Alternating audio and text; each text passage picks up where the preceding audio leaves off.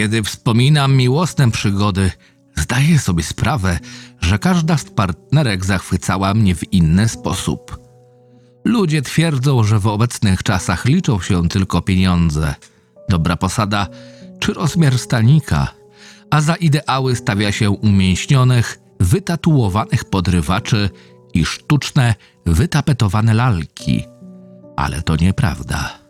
Najważniejsze, aby odkryć w drugiej osobie ten jeden drobiazg, który pozostanie z tobą do końca życia. Mówi się, że stara miłość nie rdzewieje. To wiekowe jak świat porzekadło, które w całej swej prostocie zawiera ziarno prawdy, wciąż nie pozwala mi zapomnieć o Karolinie, mojej pierwszej ukochanej. Młode, zaledwie szesnastoletnie dziewczę skradło mi serce swoimi pięknymi, drobnymi niczym winogrona oczami. Jej spojrzenie burzyło mury, hipnotyzowało i wprawiało w zakłopotanie nie tylko mnie, ale i wszystkich młodzieńców w okolicy. Niestety, nie dane mi było dowiedzieć się, czy ów piękność odwzajemniała moje uczucia. Pozostał mi po niej jedynie obraz tych małych, słodkich jak landrynki oczu. W życiu każdego mężczyzny przychodzi taki moment, gdy musi zdecydować się na pewien szczególny krok na poślubienie wybranki serca. Akt ten początkują zaręczyny. W romantycznej atmosferze, podczas wykwintnej kolacji tylko we dwoje lub w trakcie wspólnej podróży po zapierających dech w piersiach sekretach matki natury. Na smukłych palcach Marzeny srebrny pierścień z diamentem prezentował się nadzwyczaj imponująco. Ach, jakże uwielbiałem jej dłonie, delikatne niczym dotyk anioła. Pamiętam, że powiedziała mi kiedyś, abym nie przestawał trzymać jej za rękę, niezależnie od tego, jak będzie się między nami układać.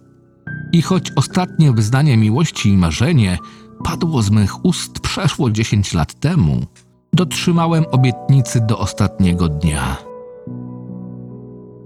Wspomnienie aksamitnych pukli Natalii to objaw chwilowej fascynacji. Choć związek z ów spontaniczną i wyuzdaną w łóżku fanką black metalu zaliczam do życiowych pomyłek, nie sposób zaprzeczyć, iż nauczyła mnie wiele o roli kochanka, zważywszy na jej bogate życie erotyczne. Do dziś jestem pełen podziwu jej idealnych krągłości, podskakujących w rytm posunięć i jęków oraz kruczoczarnych włosów, zdobiących jej nagie plecy w chwilach intymności. Każdego dnia czuję ich zapach i miękkość w dotyku. Trudno mi zliczyć, ile kobiet stało się obiektem westchnień w ciągu mojego długiego i pełnego uniesień życia. Nie pamiętam już twarzy większości z nich. Nie pamiętam już, które szczerze kochałem, a które stanowiły jedynie krótką, acz emocjonującą odskocznię od codzienności. W gruncie rzeczy to nieistotne. Ważne, że każda, nawet najkrótsza relacja ukształtowała to, kim teraz jestem, i każda z kobiet pozostawiła po sobie cząstkę siebie. Pisząc to, czuję smutek i żal po świeżo zakończonym związku. Jak to zwykle bywa, poróżniły nas marzenia i cele. Ja pragnąłem stabilizacji, ona nie przejmowała się jutrem. Choć byliśmy razem zaledwie pół roku, niebiesko oka piękność dała mi to, co miała najcenniejsze. Dała mi całe serce.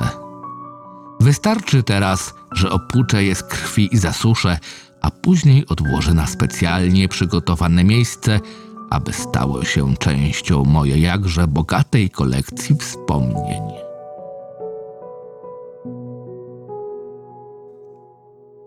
Scenariusz Adrian Iwaniak. Czytał Krystian Kieś. Zapraszam do subskrypcji mojego kanału.